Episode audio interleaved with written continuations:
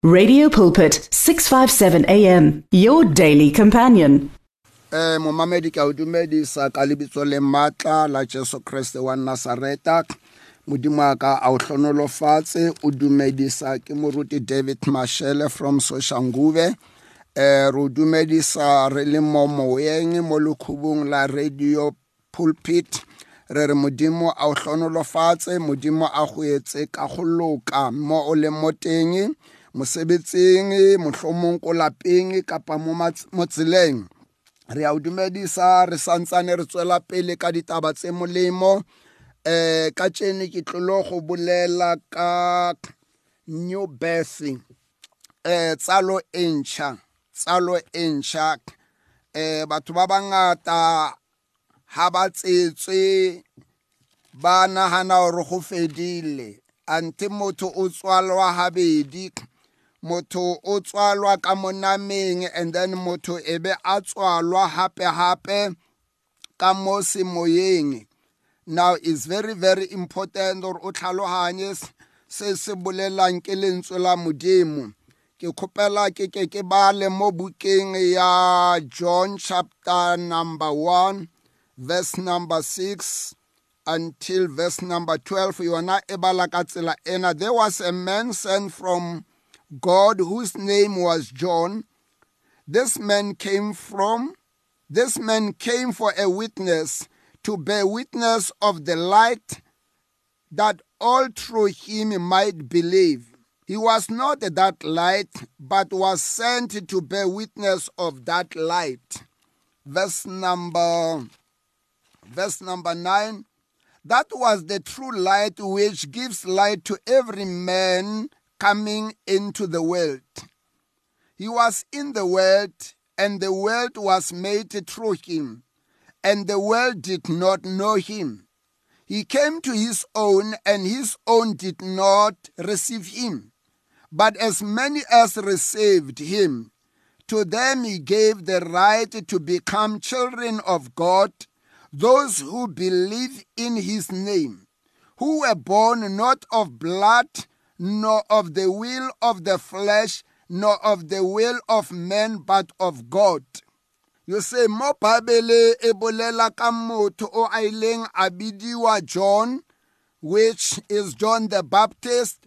E re Bible o ne a tlile go tlo bolela ka lesedi le le neng le tlo ba teng mo lefaseng. Empa Bible yena e ne e se lesedi. Empa o ne a tlile gore a tlo paka ka lesedi le go letlang gore le tlo ba teng. Ene e re Bible gore ba botlhe ba kgone gore ba dumele mo go losedi. You see e re was not that light but he sent to bear witness of that light. Now that light in short ne e le morena Jesu Jesu Kriste mo bukeng ya John chapter number uh, let me just confirm chapter number 12 or chapter number 8 o bolela taba ya gore ke ena lesedi la bophelo. And then bohle ba ba dumelang mo go yena ba keke ba tsamaya mo lefifeng. Ha o bala mo bukeng ya John chapter number 8 verse number number 12 then Jesus spoke to them again saying I am the light of the world. He who follows me shall not walk in darkness, but have the light of life. Now, Jesu o paka taba ya gore Johana mokolobetsi o ne a tlo hae bjale ka lesedi la la bophelo e re Bible o ile a tla mo go ba gagabo empa ba gagabo e bong majuta azanye ba mo amohela.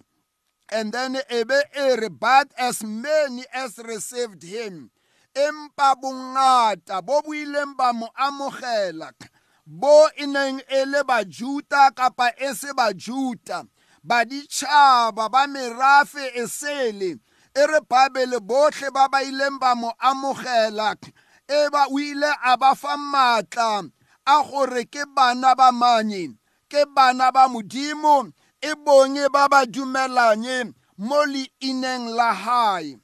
Hallelujah. E re bible who were born not of blood nor of the will of the flesh nor of the will of man but of the will of god. Yo se re a tswalwa bjale re le batho mo lefaseng. E be re phela mo lefaseng ba bangata e be ba tlhokofale ba sa itse gore ba tshwanetse gore ba tsalwe bosha and then ba tswalwe go tswa ko godimo. A re bale mo bukeng ya john chapter number 3 and then re bale verse number 3 to verse number 8 yona e bala ka tsela ena. Re ka no starta from verse number 1 there was a man of the pharisees named nicodemus a ruler of the Jews, the man came to Jesus by night and said to him, Rabbi, we know that you are a teacher come from God. For no one can do the signs that you are doing unless God is with him. Verse number three Jesus answered and said to him, Most assuredly I say to you, unless you are born again, unless one is born again, he cannot see the kingdom of God. You say, what is the kingdom of God? The kingdom of God eh, ke mmuso wa modimo wa semoya o re kenang mo go ona ka tumelo ha re mo amogela morena Jesu. Yo se Bible e bolela pila gore motho ke moya and then o phela ka mo meleng and then o na le mogopolo. Man is a spirit he lives in a body and then he have a soul. Bible e re nama le madi di keke tsa tsa rua mmuso wa modimo. So ha re sa mo amogela morena jesu re tlo phela fela ka mo nameng empa ra se ke ra phela ka mo moyeng and then ha re shwa ra bolokwa and then gwa fela. Ya e ba moya wa rona ona ha ona bodulo. And then moya wa rona ko bofelong o tlo ya ko diheleng ka baka la gore a zange ra dumela gore re lokisiswe gore re kene mo mmusong wa modimo ka gore re be dibopiwa tse ntšha and then re tswale go tswa ko godimo ka moya wa modimo. Verse number 4 Nicodemus said to him, How can a man be born when he is old? Can he enter a second time into his mother's womb and be born? Jesus answered, Most assuredly I say to you, unless you are born of water and the Spirit, he cannot enter the kingdom of God. That which is born of the flesh is flesh, and that which is born of the spirit is spirit. Do not marvel that I said to you, you must be born again. Now the word born again, batho ba bangata ba le tsebe le ko dikerekeng tsa bona le baruti ba bona ha ba ba tsebe baeteledipele le mabishopo a bona ha ba ba tsebe. Even baprofeta ba bona ha ba tsebe gore what is to be born again. Now to be born again ke gore o amogele morena jesu ka tumelo. Baebele e re modimo ke moya. Bohle ba ba mo rapelanye ba mo rapela ka moya le ka nnete. Jesu o ile a bolela mosadi wa mosamaria a re batho ba ba nwang mo sedibeng mona ba tlo nwa ba nyorwe ebile ba boe hape ba nyore. Empa batho ba ba dumelang mo go nna e re babele ba tla amogela moya o halalelang o o tla pumpunyetsagalanye mo teng ga bona bjale ka dinoka tsa metsi a bophelo.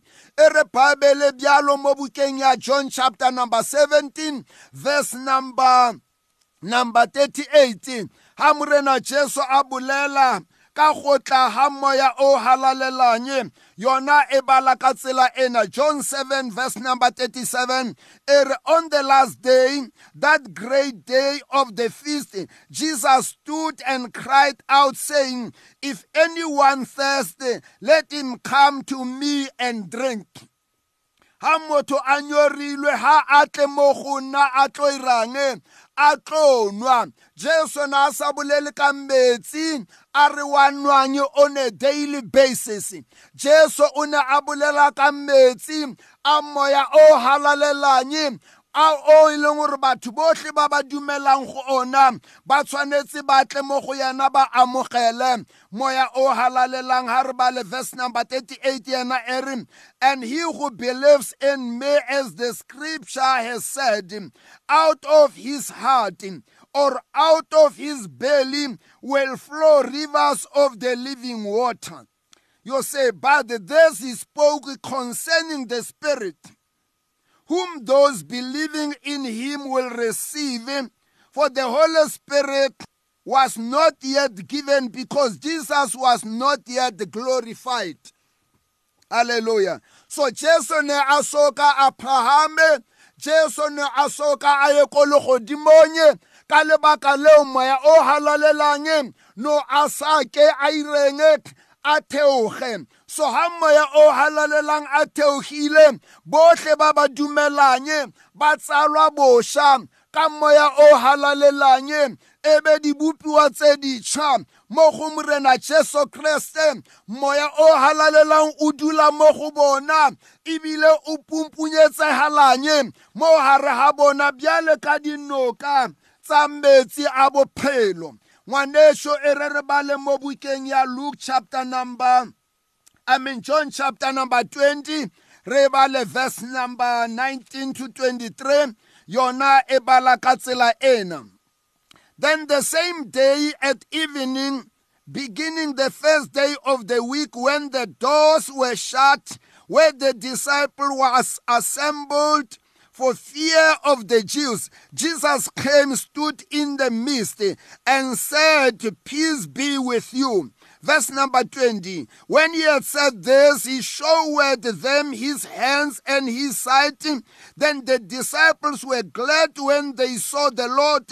So Jesus said to them, Peace to you. And the Father hath sent me, I also send you. And when he had said this, he breathed on them and said to them, Receive the Holy Spirit.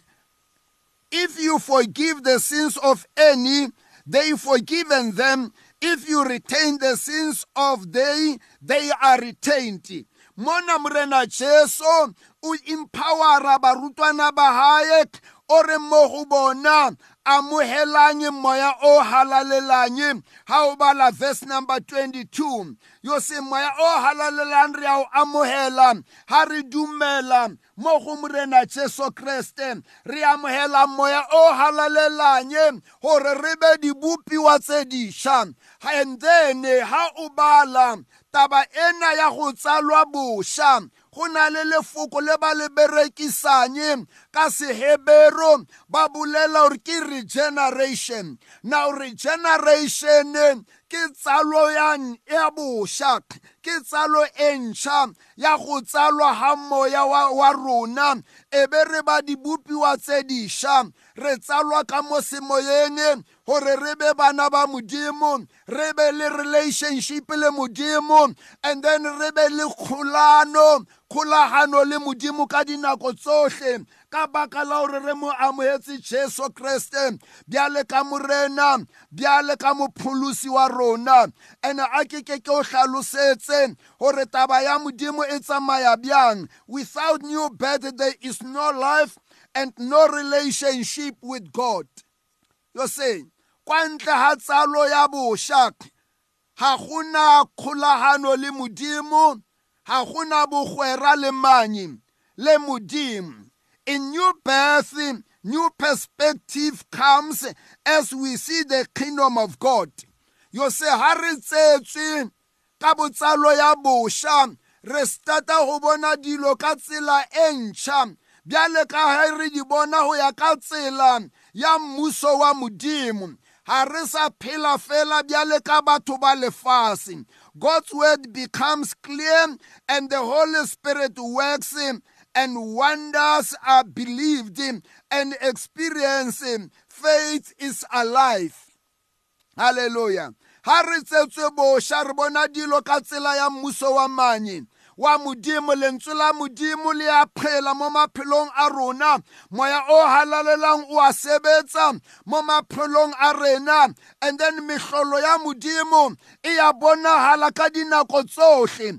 And then re ba le tamogo e ntšha ya tsela ya tumelo e e phelang. Because mo nneteng ngwanesho tumelo e tshwanetse e phele. Faith must be alive mo maphelong a rona gore ka dinako tsohle re utlwe boteng ba modimo. Ka dinako tsohle re utlwe kgolagano ya rona le modimo. Moya o halalelang a re ntšhafatse moya o halalelang a re motivate moya o halalelang a activate maatla a modimo mo go rona. Through new birth we are introduced literally we enter to a new realm where God's new kingdom order can be realized. Hallelujah. You see, that's why how ka lebella le batho ba kena dikereke ka bongata empa batho ha ba tshwane ebile batho ha ba dire dilo ka o batho ha bangata ba ira dilo ya ka tsela ya dikereke tsa bona. Ba ira dilo ya ka tsela ya ditumelo tsa bona. Empa ba teng batho ba irang dilo. Go ya ka lentswe la modimo le go ya ka tsela ya maatla a moya o halalelang o sebetsang mo maphelong a bona. Mo e leng gore ga o ire fela thato ya gago empa o ira thato ya modimo. Bjale ka morena jesu a ile a bolela gore a thato ya hao etsagale mo lefaseng bjale ka he etsagalang ko kae? Ko legodimong ha o bala mo thapelong ya morena matthew chapter number 6 e bolela bjalo gore ntate a puso ya hao e tle thato ya hao etsagale mo lefaseng bjale ka ha e etsagala mo lefaseng. Morena jesu kriste a tletse moya o halalelang a zanye a ira go ya ka thato ya hae empa o ile a ira dilo tso tsohle go ya ka thato ya modimo. Go ile ha pala a le mo tshimong ya getsemane mo a neng a le mo bohlokong ba go lebana le sefapano empa ha o fitlha nako ya gore a utlwe go imela mo tshimong ya etsemane a rapela o ile a bolela a re ntate a senwelo se se ke semfete empa e se ka go rata haka empa e le ka go rata ha thato ya hao. New birth is more than simply being saved. It is a re requalifying experience opening up the possibility of our whole being to the supernatural dimension of life and fitting us for a beginning in God's kingdom order. Hallelujah. yo se tsalo ya bosha ha e re fela gore re pholoswe yes re a pholoswa e ya ya mathomo go pholosa mohlomong go sokologa. O amoele morena jesu o amoele tshwarelo ya dibe re ka bolela fela gore ke kgoro ya go kena mo mmusong wa modimo. Wa bona ha o ka kena ka mo ntlong wa ema mo kgorong o keke wa enjoya se se dirafalang ka mogare but to enjoy se se iragalang ka mogare you must enter the house and then you must enjoy the benefit tse di leng ka mo ntlong. Le rena go tsenelela mo mmusong wa modimo ke he re amogetse moya wa modimo and then re phela o ya ka thato ya modimo and then morena jesu kreste a laola mo maphelong a rona. A ngwaneso modimo a ka o hlolofatse e re ke rapele le wena ka lebitso la jesu. Modimo ke a mo hlonolofatsa ke a mo lokolla jesu laola mo bophelong ba gae right now fola gape ka lebitso la jesu kreste wa amen The words of the Lord are words of life. Your heart is on 657 AM. 657 AM. Radio for believers in action.